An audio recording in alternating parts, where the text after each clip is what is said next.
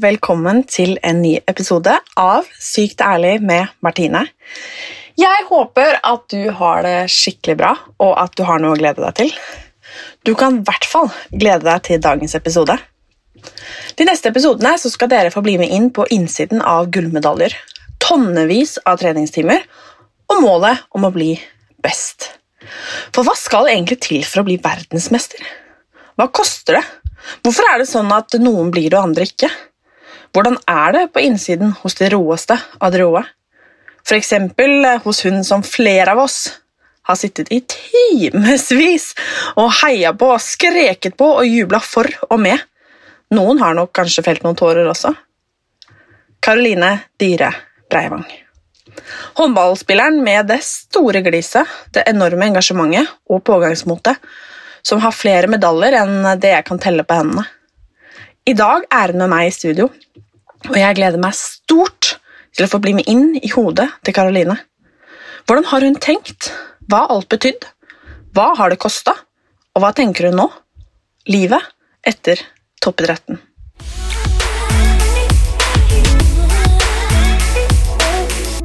Hei og velkommen, Karoline. Tusen takk. Veldig hyggelig. Ja, Utrolig hyggelig å bli spurt og få lov til å komme, så jeg syns dette er veldig stas. Jeg sa det til deg, men jeg syns jo det er litt sånn, litt sånn rart at du er her. For jeg husker når jeg var liten, Mm. altså barn, liksom, at jeg satt og så Karoline på TV spille håndball. Og her sitter du i studio. Er 150 år gammel. Nei, jeg sa også at du holder deg godt. Ja, Tusen takk, det skal jeg ta med meg. Ja, og du er, eh, du er en av de sprekeste jeg vet om, i hvert fall. Takk. Det både unge og gamle. Men uh, hvor lenge hvor, Altså, når begynte du egentlig å spille håndball? Jeg har egentlig spilt håndball så lenge jeg kan huske, fordi mamma og pappa har jo spilt håndball, så jeg var jo med i Nadderhallen fra jeg var ca. en uke gammel. Og så spilte jeg min første håndballkamp da jeg var fem. Eh, Og da skulle jeg aldri spille håndball igjen, fordi da spilte jeg jo mot de som var ti, og jeg fikk lov til å spille ti sekunder på ving, og syntes det var dritskummelt at det skulle jeg aldri gjøre igjen. Det kan jeg jo forstå. eh, forståelig det. og så gikk jeg på håndballskole fra jeg var fem til jeg var syv, og så har jeg egentlig spilt håndball fra jeg var syv, eller fra fem da, til jeg la opp når jeg var 37. 37, ja. Er det vanlig å holde på så lenge? Det er nok ikke vanlig å holde på så lenge, men det, det er flere og flere som holder på lenger og lengre. Det er det, men, eh, men jeg er jo blant de som har holdt på lengst. Ja. Men vi, vi starter på liksom når du begynte. Mm. Eh, og jeg skjønner jo, da var du jo på en måte Visste kanskje ikke fram eller bak, holdt jeg på å si, når man begynner, er så liten og begynner å spille håndball, og forhåpentligvis bare for at det er skikkelig gøy. Men når var det du liksom liksom første gang tenkte at ah, dette er noe jeg har lyst til å bli skikkelig god i?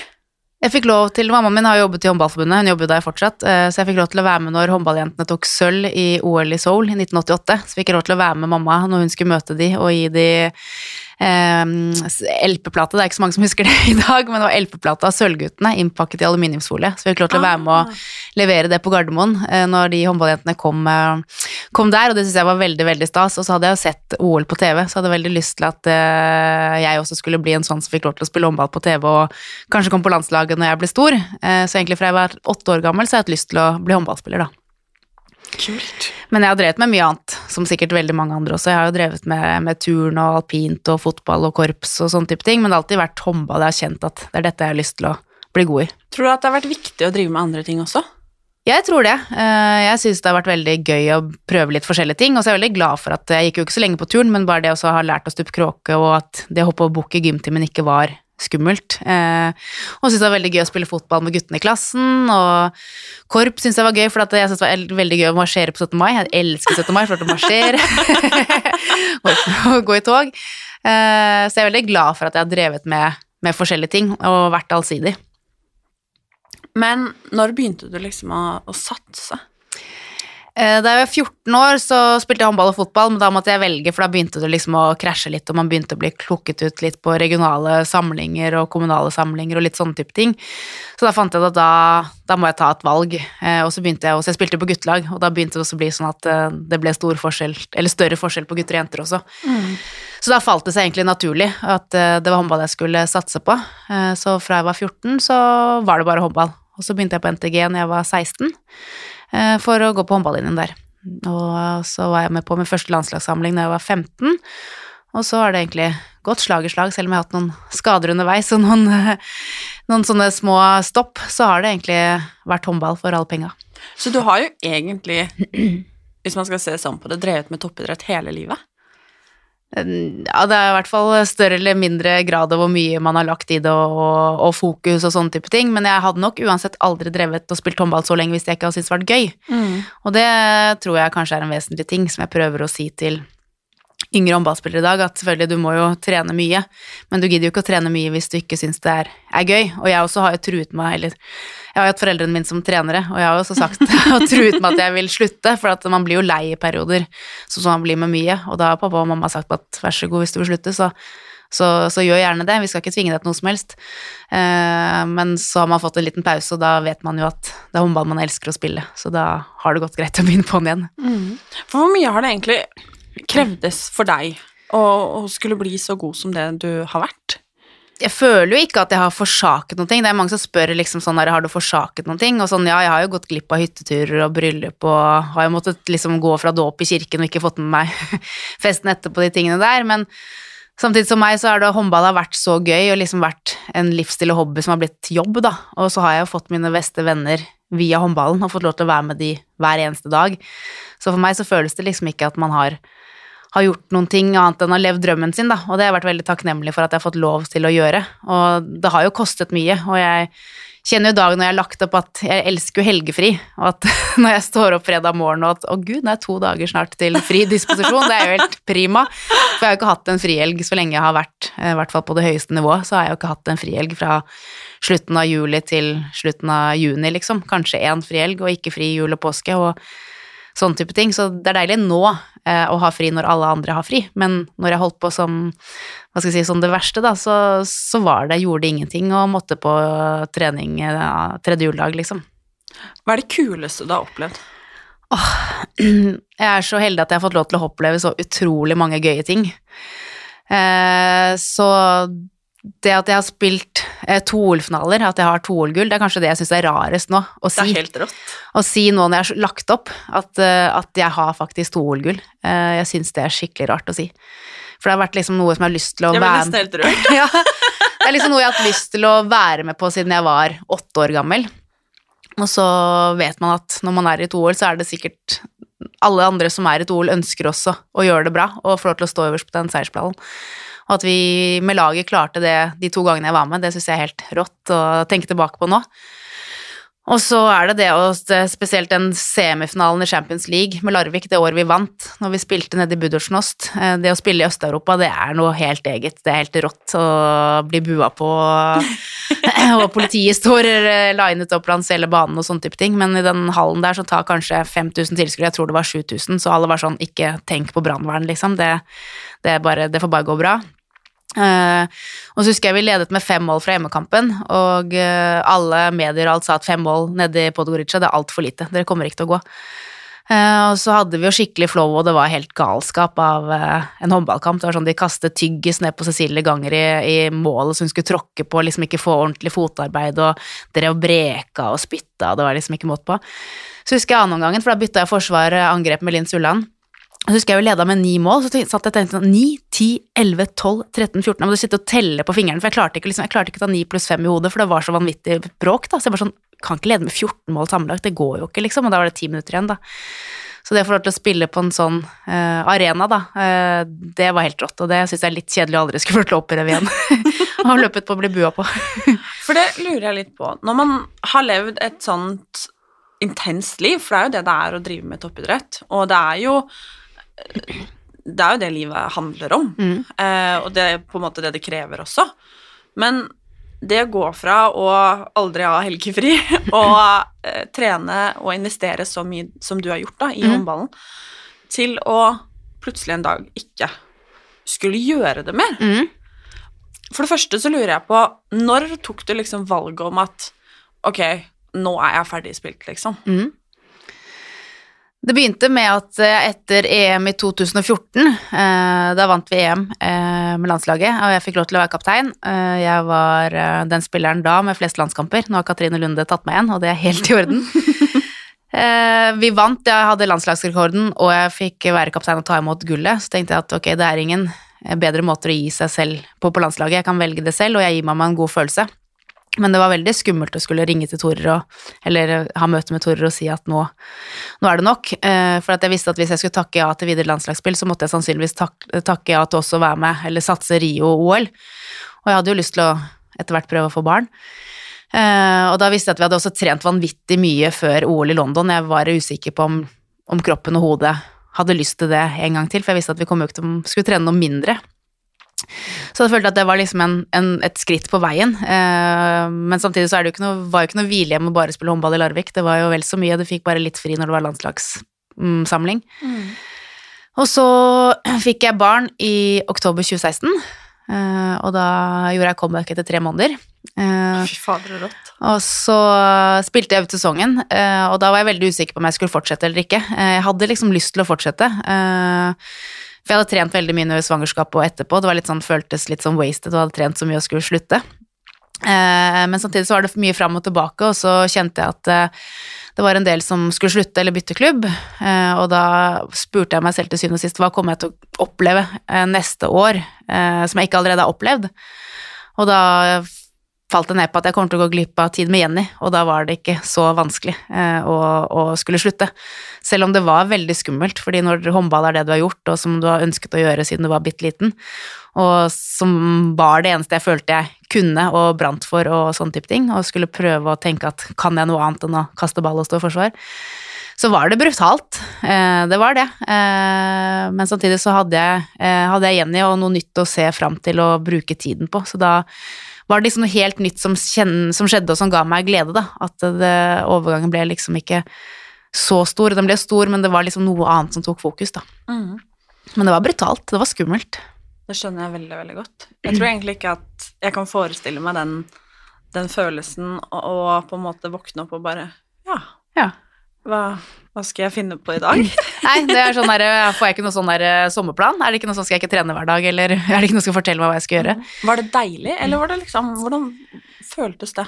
Jeg føler litt sånn enda at jeg har litt sånn toppidretts... eh, Ikke angst, men at jeg er litt sånn eh, Liker å trene, da, fortsatt. Det blir jo en livsstil. Mm. Og jeg eh, liker å trene, og jeg blir litt hyggeligere å ha med å trene. Og når jeg nå har to barn, så er det jo litt sånn egentid i det å trene. Og hvis jeg skal holde overskudd og holde følge med disse to, så så for meg så er det viktig å trene. Jeg trenger ikke å trene hver dag, det trenger jeg ikke, men lite grann fire, fem, seks dager i uken, det, det holder for meg nå. Så, så det blir jo, jeg trener jo fortsatt. Det jeg. Hadde aldri trodd at jeg skulle løpe intervaller på, på egen hånd. At jeg liksom sånn, nå skal jeg ut og løpe intervaller. For det har vært litt sånn hat underveis. Men nå føler jeg liksom sånn der, det er 40 minutter med veldig god trening, så er det god trening gjort på kort tid. Eh, Så, så det er jeg faktisk blitt veldig glad i. Ja, nei, men der ser man. Men jeg lurer på dette her, å være Spille på et så høyt nivå som det du har gjort, Mhm. og man snakker jo veldig ofte om å ofre ting, mm. ikke sant? Um, og så pleier jeg å konfrontere både meg selv og egentlig andre som, som serverer den der Nei, men jeg ofra dette og dette. Mm. Uh, og så, som du sier, så har det jo kosta mye. Mm. Men samtidig så vet jeg ikke om man har ofra når man på en måte har Man har jo valgt det, fordi Mm. det er det man har hatt aller mest lyst til, så på mange måter så har det vært en prioritering. Mm. Men hvordan har det vært på en måte med privatlivet? Og skulle kombinere det og ja, ville f.eks. stifte familie, da? Altså, hvor lenge har du vært sammen med, sammen med mannen din, f.eks.? Han har vært sammen siden 2008. eh, men Såpass, fordi, ja, ja, ja. Så vi har vært sammen lenge. Eh, nei, det blir jo det at når jeg spilte håndball i Larvik, og han hadde jobb i Oslo, så bodde vi jo ikke sammen før vi fikk Jenny. Så bodde jo, vi bodde fra hverandre av at jeg spilte håndball, og han hadde jobb her. Mm. Eh, men nå ser jo ikke jeg på det som å bo Oslo-Larvik som veldig avstandsforhold. og i hvert fall sånn, Jeg måtte jo ikke være på jobb klokka åtte om morgenen, jeg, så at eh, jeg kunne jo kjøre inn til Oslo og være her hvis jeg ville eh, Mm. det. Så det fungerte egentlig veldig fint for, eh, for oss. Så er det klart at mange som lurte på om han hadde kjæreste eller ikke, da, siden jeg aldri kunne være med på bryllup eller familiefeiringer, og man bare fant på at han var sammen med håndballspilleren. Eh, men, eh, men det er jo så klart at det, det, er, det er jo viktig at man har en partner som, som heier på og støtter og syns at det er greit eh, at jeg levde det livet jeg gjorde. For det er ikke sikkert alle som syns at det er greit, men jeg, veldig, jeg har heldigvis en veldig jeg har en samboer som er veldig støttende, og at jeg får lov til å gjøre det jeg liker. Og da får jo han noe igjen også. Hvordan var liksom diskusjonen med barn, da? Man har jo den irriterende biologiske klokka som jeg ikke er så veldig fan av å liksom gnåle om, Ja. men hvordan var liksom prioriteringen der? For det er klart, er du det er forskjell på å være mann, eller kvinnelig og mannlig topprettsutøver der, for man har litt forskjellig man må putte i det, liksom. Eh, ja, det er, det er jo det, men når jeg hadde holdt på såpass lenge Jeg ble jo mamma når jeg var 36, eh, så da var det jo sånn Det var jo ikke veldig overraskende når jeg kom til Larvik og sa at jeg er gravid. Så ble det heldigvis godt mottatt, så det var jo ikke sånn at det var veldig overraskende verken for, eh, for oss eller for klubben. Så det har gått, eh, gått veldig, veldig fint, det, altså. Så veldig gøy da det skjedde. Har du Tror du at hvis du ikke hadde spilt håndball, at du hadde fått barn tidligere? Det vet jeg ikke. Det syns jeg er veldig vanskelig å si. Da kan hende at man hadde hatt en helt annen eh, livssituasjon. Jeg har jo medspillere som har fått barn tidligere og kommet tilbake igjen og, og spilt håndball eh, hva skal jeg si, god tid eller ettertid jeg har fått barn også. Så det viser mye mer aksept for at det at man kan få barn og holde på lenge. Så Heidi Løke har jo, har jo barn og kommet tilbake flere ganger, og Katrine Lunde også har jo barn og spiller fortsatt, så det er fortsatt nå forbilder da, som viser at det går an å være mamma og spille fortsatt på et høyt nivå. Og det syns jeg er skikkelig fint. Mm, det er veldig gøy. fint, faktisk. På litt som du sier, forbilder. Mm. Uh, for man Uansett hva man driver med, egentlig, om det er uh, altså, toppidrett, altså håndball eller hva det er, om man om det er vanlig jobb òg, holdt jeg på å si, at Mm. man satser på karriere, da, i en eller annen form, så kan man jo gjerne føle at det ikke er rom Ja. uh, for det. At, eh, så jeg syns det er fint at det på en måte det går, da. Det ene trenger ikke å utelukke det andre. Nei, det syns jeg er veldig bra. At det er mange som tenker at når du får barn, så er livet slutt, liksom. Men det handler jo om hva du, du gjør det til. At det må bare tilrettelegges på en annen måte. Så, så får man til det man vil og har lyst til, tenker jeg da. Men eh, jeg tror ikke jeg hadde vært tilbake etter tre måneder. Altså, wow! Ja, men eh, fordelen er når du er håndballspiller og gravid, vet du, så blir du sykemeldt med en gang. Da kan du ikke gjøre jobben min, for jeg kan jo ikke liksom bli satt på ving når jeg er back. Så da liksom sånn der, var jeg jo bare håndballspiller, jeg var jo rugekasse og trente og slapp av, så det var veldig deilig å være gravid med nummer én. Det var jo verre nummer, nummer to, hvor du har én fra før av og jobber fullt. Ikke sant?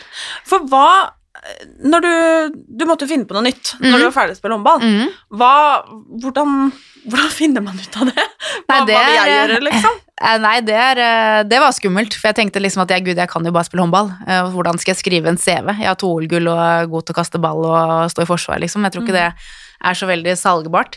Men jeg sitter i styret i NISO, som er spilleforeningen, og der har vi noe som heter sånn karriereveiledningssenter, hvor jeg fikk lov til å gå på kurs, hvor jeg fikk lært at Jeg skal si, lært å oversette min, min kompetanse innen sport til en salgbar CV. I tillegg så har jeg noe utdannelse ved siden av, så den kombinasjonen eh, gjorde at det var, eh, var mulig å komme seg ut på jobbmarkedet. Og så søkte jeg bare rett og slett jobb. Eh, Jeg, jeg fant en jobb, som, eller stilling, som jeg syntes var veldig interessant. Så tenkte jeg å søke på den. Jeg trenger ikke jobb enda, for jeg har mammapermisjon, men det er fint å kunne bruke det som, som trening på å komme ut i jobbmarkedet. Så kom jeg på førstegangsintervju, andregangsintervju og tredjegangsintervju, og så plutselig fikk jeg jobbtilbudet. Så det var veldig deilig på første forsøk å, å få det til. Det er jo helt rått. Ja, men det var brutalt å begynne å jobbe, for jeg kunne jo ikke sende møteinnkallelse på mail. Så jeg var sånn, er det WhatsApp-gruppe, er det Messenger, hvordan gjør vi dette her?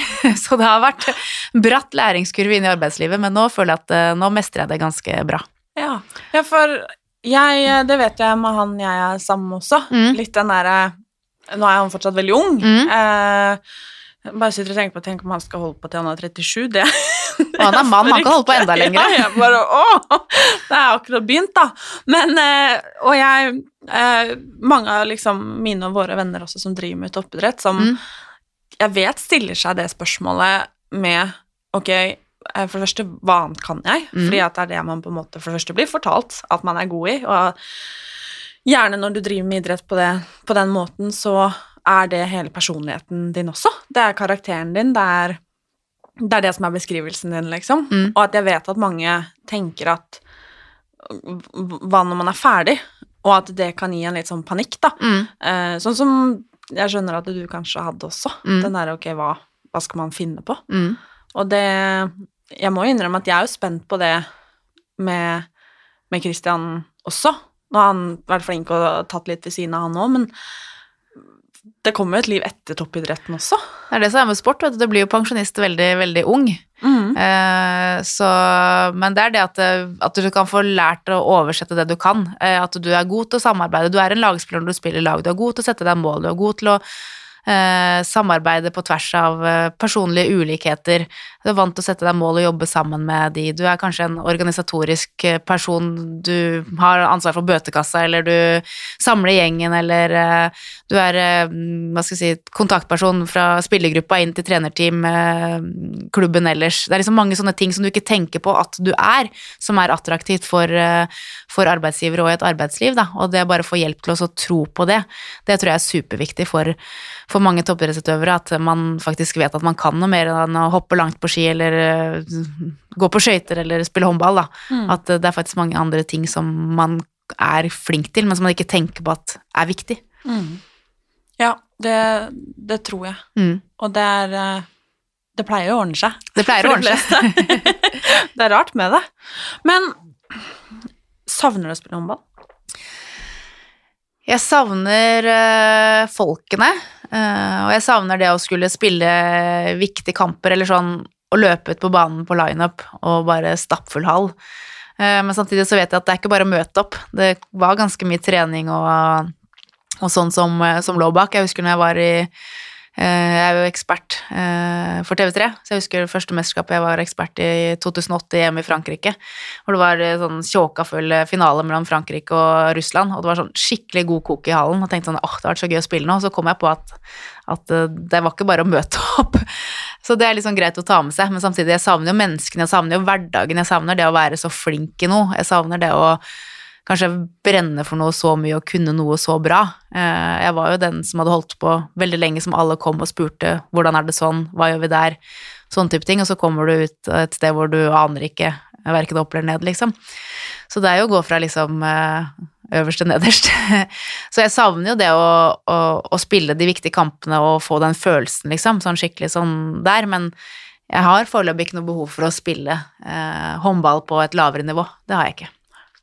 Tror du at du hadde klart å gått inn på et sånn Old oldboys-lag? Det, det, det hadde du sikkert klart.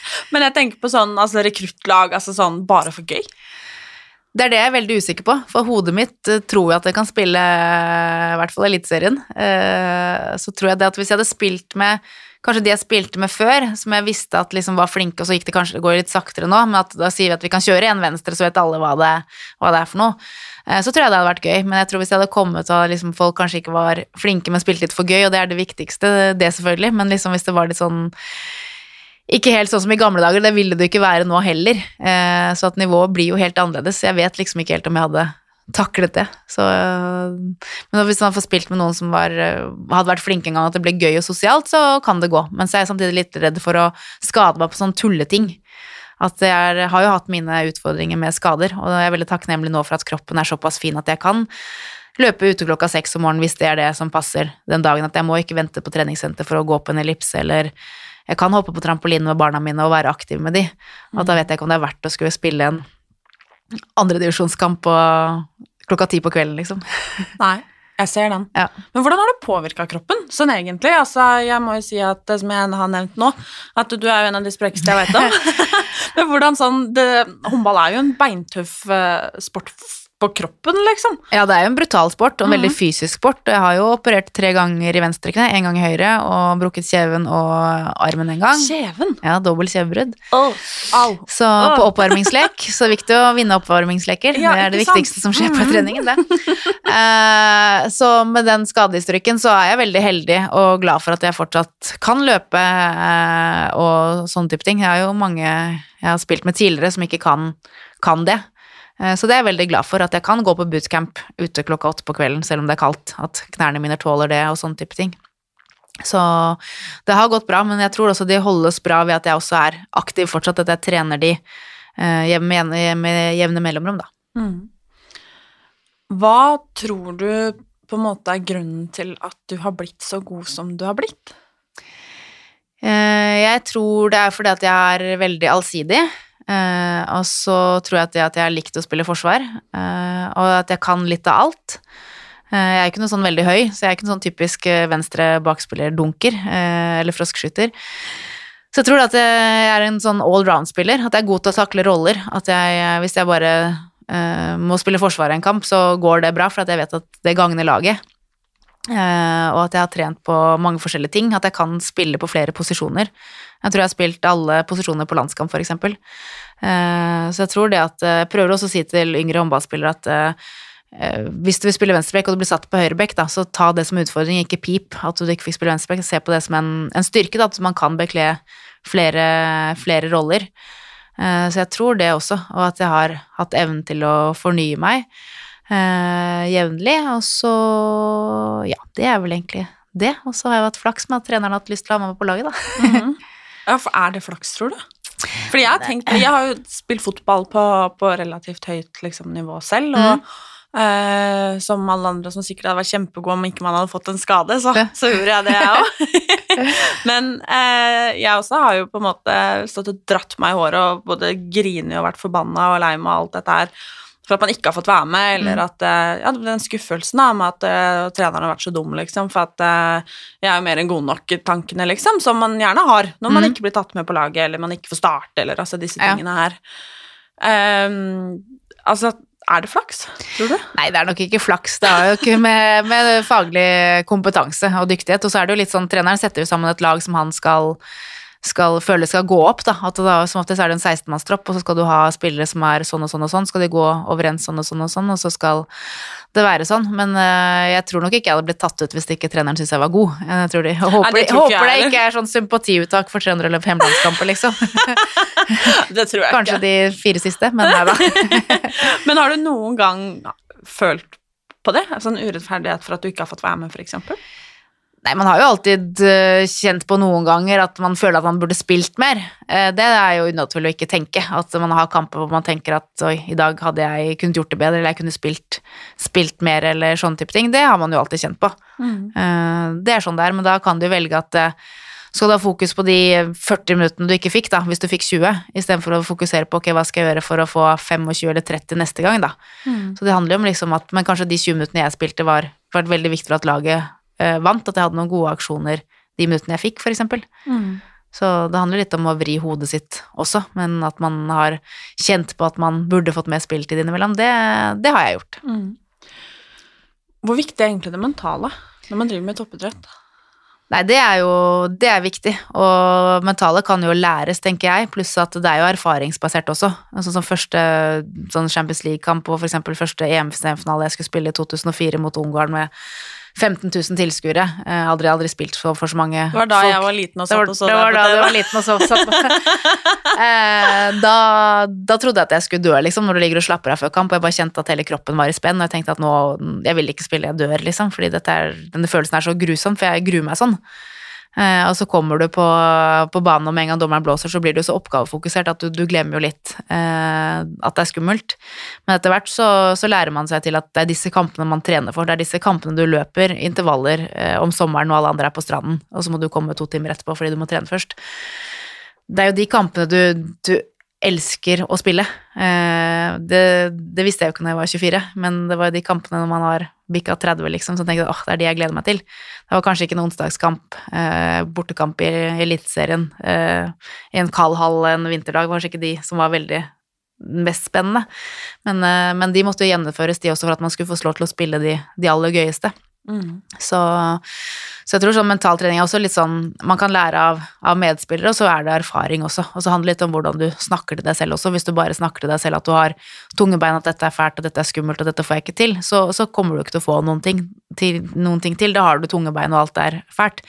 Men hvis du prøver kanskje å alliere deg med en på laget som kan fortelle deg at du er god, eller du skriver opp tre ting du fikk til i kampen, eller et målsetting i løpet av en treningsuke, eller sånn type ting, da, så, så er det mulig å lære det. Mm. Det har jo vært eh, ganske mye fokus, eh, heldigvis, kan man jo si, på dette her med mat og spising i idretten Mm. eh, siste tiden, og kanskje spesielt innen, i langrennssporten. Mm. Eh, håndballen har det vel ikke vært noe snakk om? Jeg er veldig glad for at jeg har drevet med en sport hvor man har plass til alle forskjellige eh, kroppsfasonger, holdt jeg på å si. Og så har jo det stått eh, under, når håndballjentene har spist, spilt mesterskap, så har det jo stått høyde og vekt, men Norge har, har bevisst ikke sendt inn vekten. Eh, og det har jeg vært glad for, for det spiller ingen rolle om jeg eh, veier det eller det, eh, så lenge jeg er god til å spille håndball. Og det syns jeg er, er fint, at på håndballbanen så finnes det plass til alle typer, så lenge du du, du gjør det du skal og på en måte er, er god nok, så kan man være eh, stor eller liten, høy eller lav. Og det er jeg veldig glad for at jeg har drevet med en sånn sport, at det er ikke vekten det kommer an på. Det syns jeg er veldig fint, da. Ja. Mm. Men har det liksom Har det vært fokus på det, eller har det på en måte bare vært et naturlig Altså sunt fokus, om man skal kalle det det, i idretten?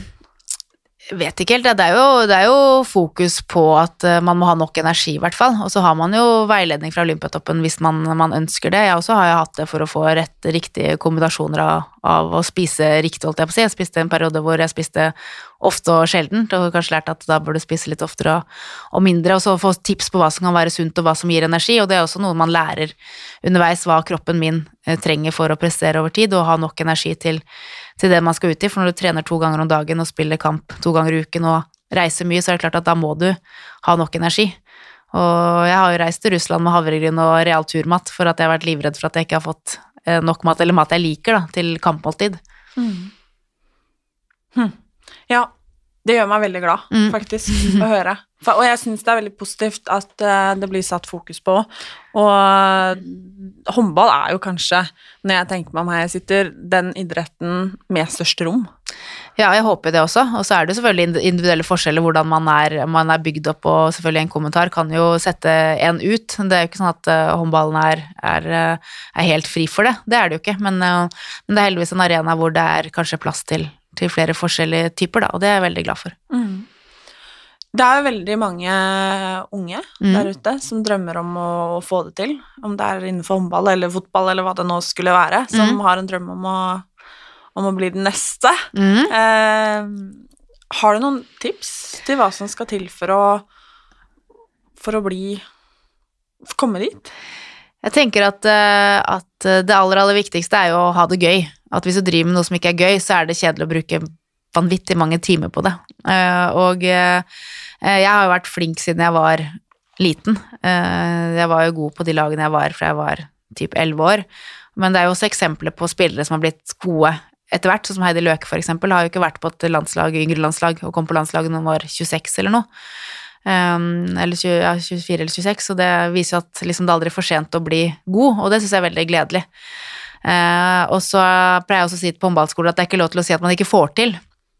Eh, fordi man må trene mange ganger, og jeg er sjelden at jeg har fått til ting første gang jeg har prøvd på det. Man må øve veldig mange ganger. Og det også, som jeg syns er veldig fint, som jeg prøver å formidle, er at du må finne din stil. Eh, Det er ikke noe sånn at sånn som i turn, så må du gjøre noe på en viss måte for å få høy stilkarakter. Hvis jeg kommer og viser en underarm, så viser jeg på min måte, så kommer Nora Mørk, så viser hun det på sin måte. Eh, og så kan jo begge to score mål. Så det handler bare om å, å finne ut hva som passer for, for seg og min teknikk, da.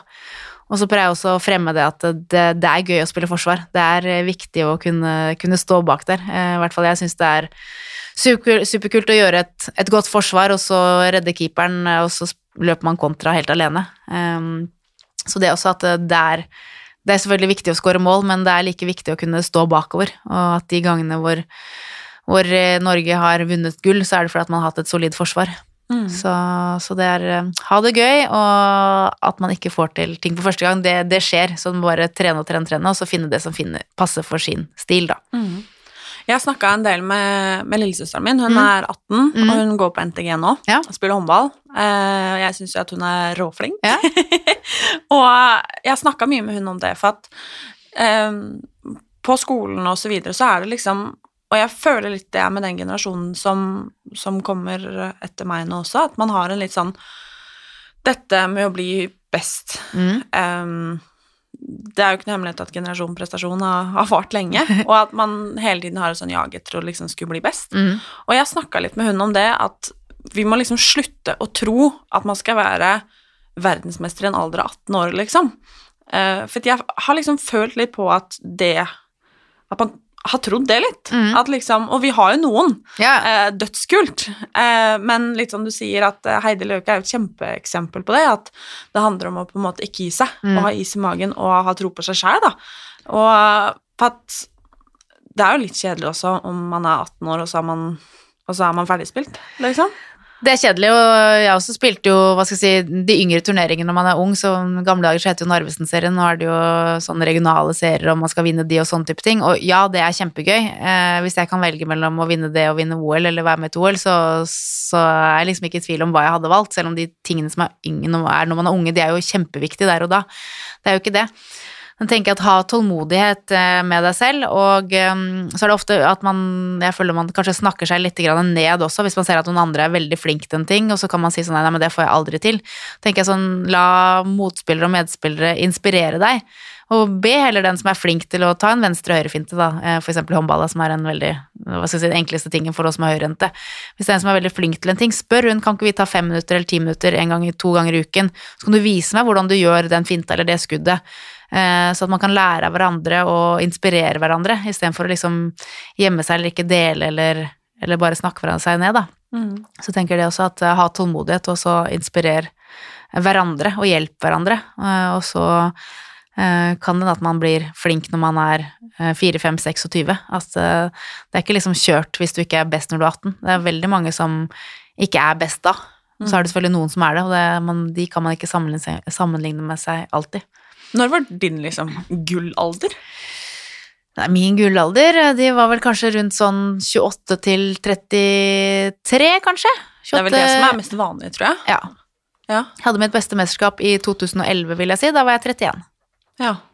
Og det også er jo litt sånn betryggende å vite at man, eh, man jobber jo mot noe, liksom. Mm, Ja. Og at man eh, Det er da man er på topp, kanskje. Ja. Det er da man er best. ja. Så det er jo kjedelig kanskje gjøre det med 18 at du kanskje ikke vil bli god før om eh, så 13 år, men eh, Jo, men da Jeg tenker at det er litt sånn, litt sånn betryggende og fint å høre. Og det altså, om det er på håndballbanen eller det spiller ingen rolle generelt i livet også, liksom. Litt det der med at eh, Senke forventningene litt og slutte å tro da at man skal runde av livet når man er 18 år, liksom. Eller for så vidt 25 også, liksom. Ja, at det er- eh, du er veldig ung da når du er 25. Ja, det, å, det var veldig godt å høre. Eh, at man Ja, litt dette her med is i magen, da. Mm. Og at det er lov å begynne seinere og lov å prøve på nytt og ikke gi seg, liksom. Ja, så er det lov å slutte å tenke at eh, man skal ha en liten pause, og så begynte man på igjen, og så gikk det veldig bra likevel. At det var det man faktisk trengte for å få den riktige motivasjonen og inspirasjonen til å ta det siste steget, da, og ta de siste 10 prosentene på 100% for å gi jernet for å bli best. Du nevnte det jo litt, men eh, når du tror jeg må slutte og sånn, men tok du noen gang liksom en, en pause og tenkte dette må jeg tenke gjennom, liksom? Nei, jeg gjorde jo egentlig ikke det. Det var jo sånn i april når sesongen hadde vart veldig lenge, og så varte de i tre uker, og så hadde jeg lyst til å begynne igjen. Så det var jo ikke sånn veldig langt opphold. Det har det aldri vært. Men jeg har jo kjent på at liksom åh, nå er jeg lei, nå er jeg sliten. Nå har det liksom vært kamper og skole og hit og dit, og nå får jeg aldri fri, liksom. Det her er slitsomt, det orker jeg ikke. Og så etter hvert så skjønner du at det er dette du elsker, og dette du mestrer, og dette du har lyst til å, å få til, da. Så, men jeg tenker at det er bare sunt å kjenne på den følelsen også, at, eh, at ting er, er litt slitsomt. Eh, men så handler det om å liksom Hva er viktig for deg, hva er målene dine, hva har du lyst til, da? Og så, så går det bra igjen. Men eh, ja, jeg har kjent på at det er tungt, det har jeg gjort. Men eh, det blei jo OL-medalje for det, da. Det ble OL-medalje for det. det. Det gikk bra. Herregud. Nei, det er råkult. Og jeg syns det er skikkelig hyggelig at du hadde lyst til å komme hit og snakke med meg. Du, det var så litt så veldig hyggelig å være her, så nei, det var skikkelig koselig. Jeg koste meg masse. Så bra. Jeg òg. Og så håper vi da, kan vel si til alle som lytter, at vi kan si at vi heier på alle. Det gjør vi, det er veldig viktig, og man er, eh, kan veldig mye eh, hver og en. Og man bare er flink til å fremme seg selv og være positiv.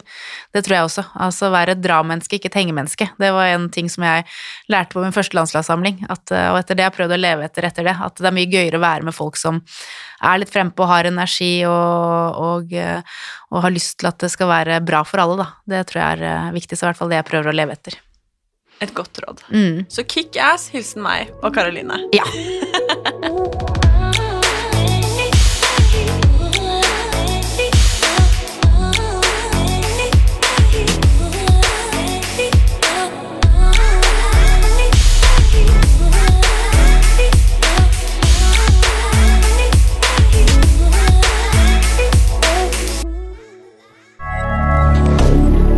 Moderne media.